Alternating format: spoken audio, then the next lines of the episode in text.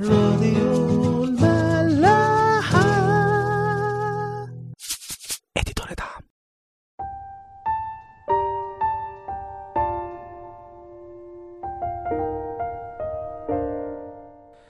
أهلا بيكم في حلقة جديدة من عيش وملح. كنا كملنا كلام آخر مرة عن الانحدار اللي حصل لسليمان وإزاي إنه ابتدى يحب نساء كتيرة غريبة عن ربنا. ومن الأجناس اللي ربنا كان حذر شعب إسرائيل منها.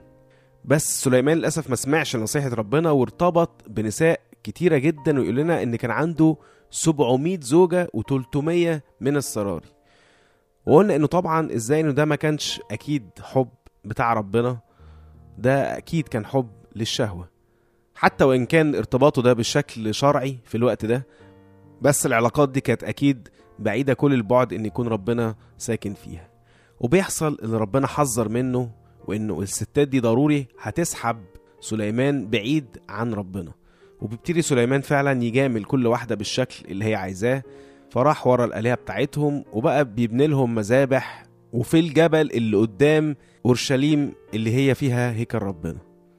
قبل ما نكمل ونشوف حصل إيه لازم نرجع إصحاحين كده ونقرأ تاني العهد اللي ربنا كان عامله مع سليمان بعد تدشين الهيكل وبعد ما سليمان صلى مع كل الشعب.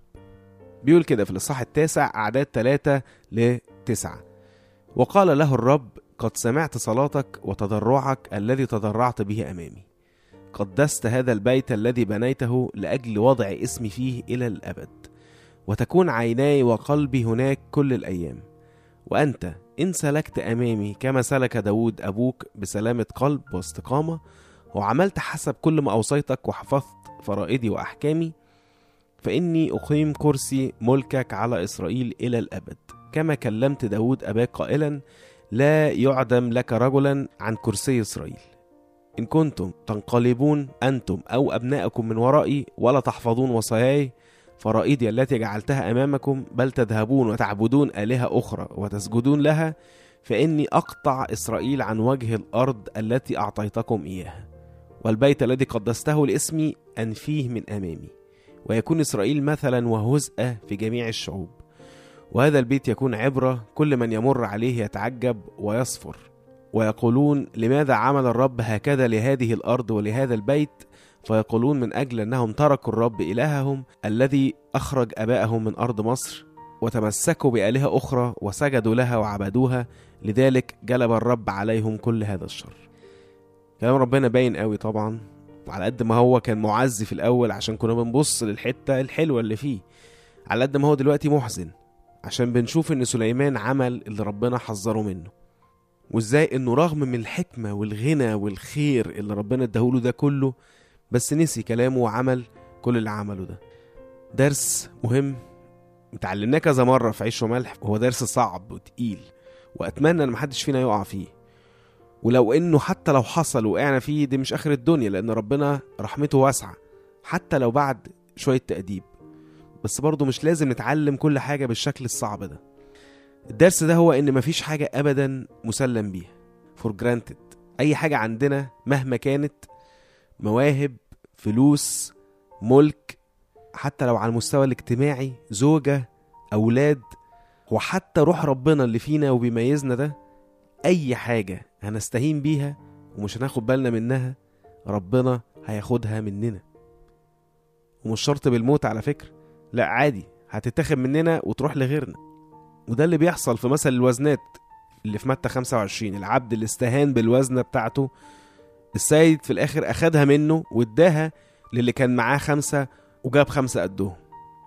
وهو حد يفتكر إن ده ظلم ولا قسوة من ربنا لأنه هو مين أصلا فينا يستاهل أي حاجة عنده؟ وهو سليمان كان عمل إيه عشان يستاهل كل الحكمة والغنى ده؟ لا كله برحمة ربنا ونعمته علينا. فدي من ناحية. من ناحية تانية بقى كمان لو بصينا للحاجات اللي عندنا دي في حد ذاتها وهي بتتاخد مننا تروح لغيرنا دي قمة العدل كمان. إن الحاجات دي تروح للي هيقدرها واللي هيمجد ربنا بيها فعلا. مش أنت مش عايزها؟ خلاص. أنا هاخدها منك وأديها لحد تاني يقدرها. برضه مش لازم ناخد الكلام من الناحية دي بس بالعكس في ناحية تانية بقى خالص معزية جدا. لأننا بنشوف ناس كتير ويمكن حد من اللي بيسمع الحلقة دي يكون واحد منهم.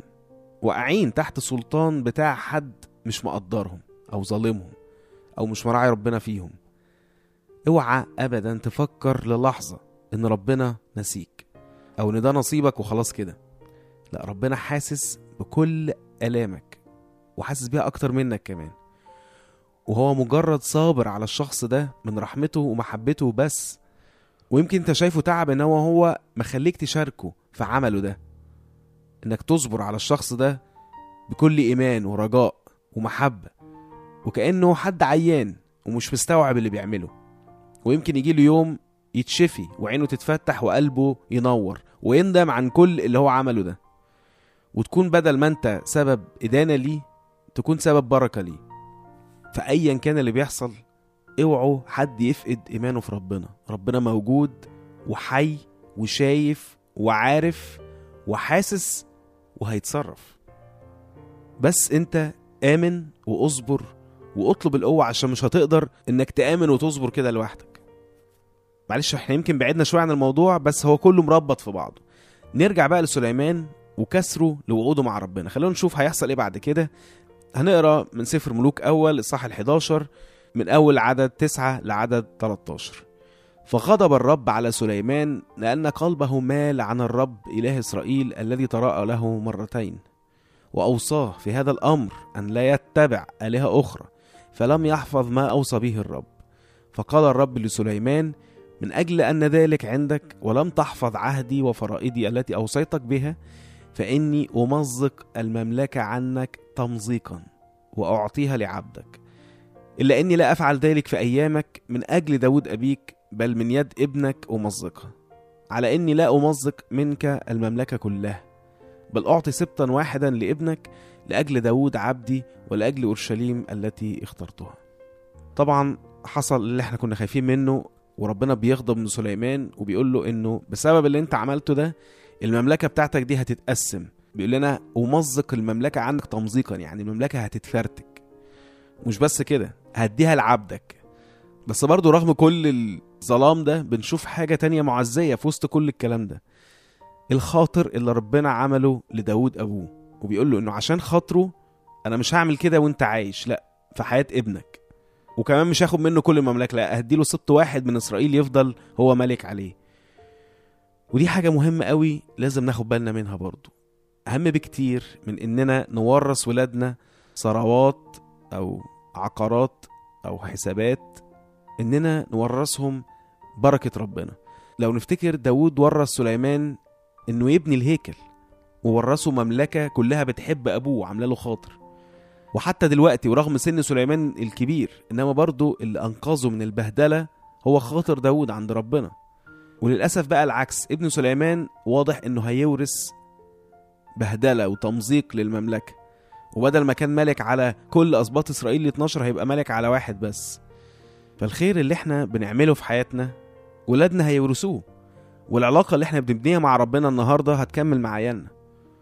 ومحدش يفكر لا طب العيال ذنبها إيه لو أهاليها مش كويسين؟ لا إحنا مش بنقول إن هم هيورثوا خطية ولا ذنب. في حسقيال 18 20 ربنا بيقول كده النفس التي تخطئ هي تموت. الابن لا يحمل من إثم الأب. والأب لا يحمل من إثم الابن بر البار عليه يكون وشر الشرير عليه يكون. إنما لا خدوها كده. هو أنت لما بتسيب لعيالك ثروة معينة يبتدوا بيها مش أنت كده بتسهل عليهم حياتهم؟ وهيفضلوا يدعوا لك طول عمرهم؟ آه ممكن بقى أولاد تانية ياخدوا الثروة دي يبددوها دي بقى مشكلتهم. والعكس لو أنت كنت مستهتر ما حاولتش تشيل أي حاجة لعيالك وبالعكس سبت لهم ديون ما هم هيعيشوا تعبانين. بس برضه ده مش معناه إن هم يطلعوا حرامية. في إيديهم إن هم يبتدوا من الصفر ويعملوا اللي أنت معرفتش تعمله. بس أنت مش هيكون ليك أي فضل فيه. وياما ناس بيحصل معاها كده. نفس الشيء بقى في حياة أولادنا الروحية. في إيدينا إننا نسهلها عليهم ونسيب لهم بركة كبيرة تسهل عليهم حياتهم الروحية.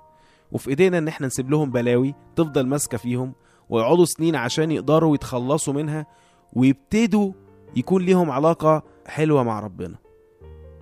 فيا جماعة دي مسؤولية كبيرة قوي. حاجتين أهو النهاردة لازم ناخد بالنا منهم قوي والحاجتين فيهم تحذير وتعزية. أول حاجة فيهم إن مفيش حاجة أبدا مسلم بيها للأبد. التحذير إنك أوعى تستهين أو تحتقر أي حاجة عندك عشان عادي ممكن في أي وقت ربنا ياخدها منك ويديها لغيرك. والتعزية بقى إنه لو أي حد فينا تحت سلطان لحد آه، مفتري أو بيحتقرنا أو بيذلنا بأي شكل إن لازم نتأكد إن ربنا حاسس بينا قوي والموضوع ده هينتهي. يا إما بتحريرنا من السلطان ده بأي شكل أو بالأحلى كمان إن الشخص ده يتشفي ويرجع عن كل اللي بيعمله ده ويعوض كل ألم أنت مريت بيه. الحاجة التانية بقى هي اللي إحنا لسه قايلينها دلوقتي إيه اللي بنورثه لعيالنا؟ خد بالك قوي أنت شايل لهم إيه؟ هيبتدوا بيه حياتهم. ثروات روحية هيستثمروها ويكبروها ويكون لهم علاقة أقوى كمان منك مع ربنا. ولا ديون وقيود لازم يتخلصوا منها الأول عشان يكون لهم علاقة أصلا مع ربنا. مزمور 112 أعداد واحد لتلاتة بيقول كده طوبى للرجل المتقي الرب المسرور جدا بوصاياه. نسله يكون قويا في الأرض. جيل المستقيمين يبارك. رغد وغنى في بيته وبره قائم إلى الأبد. نشوفكم الحلقة الجاية. راديو ملاح. دي دنيا تعم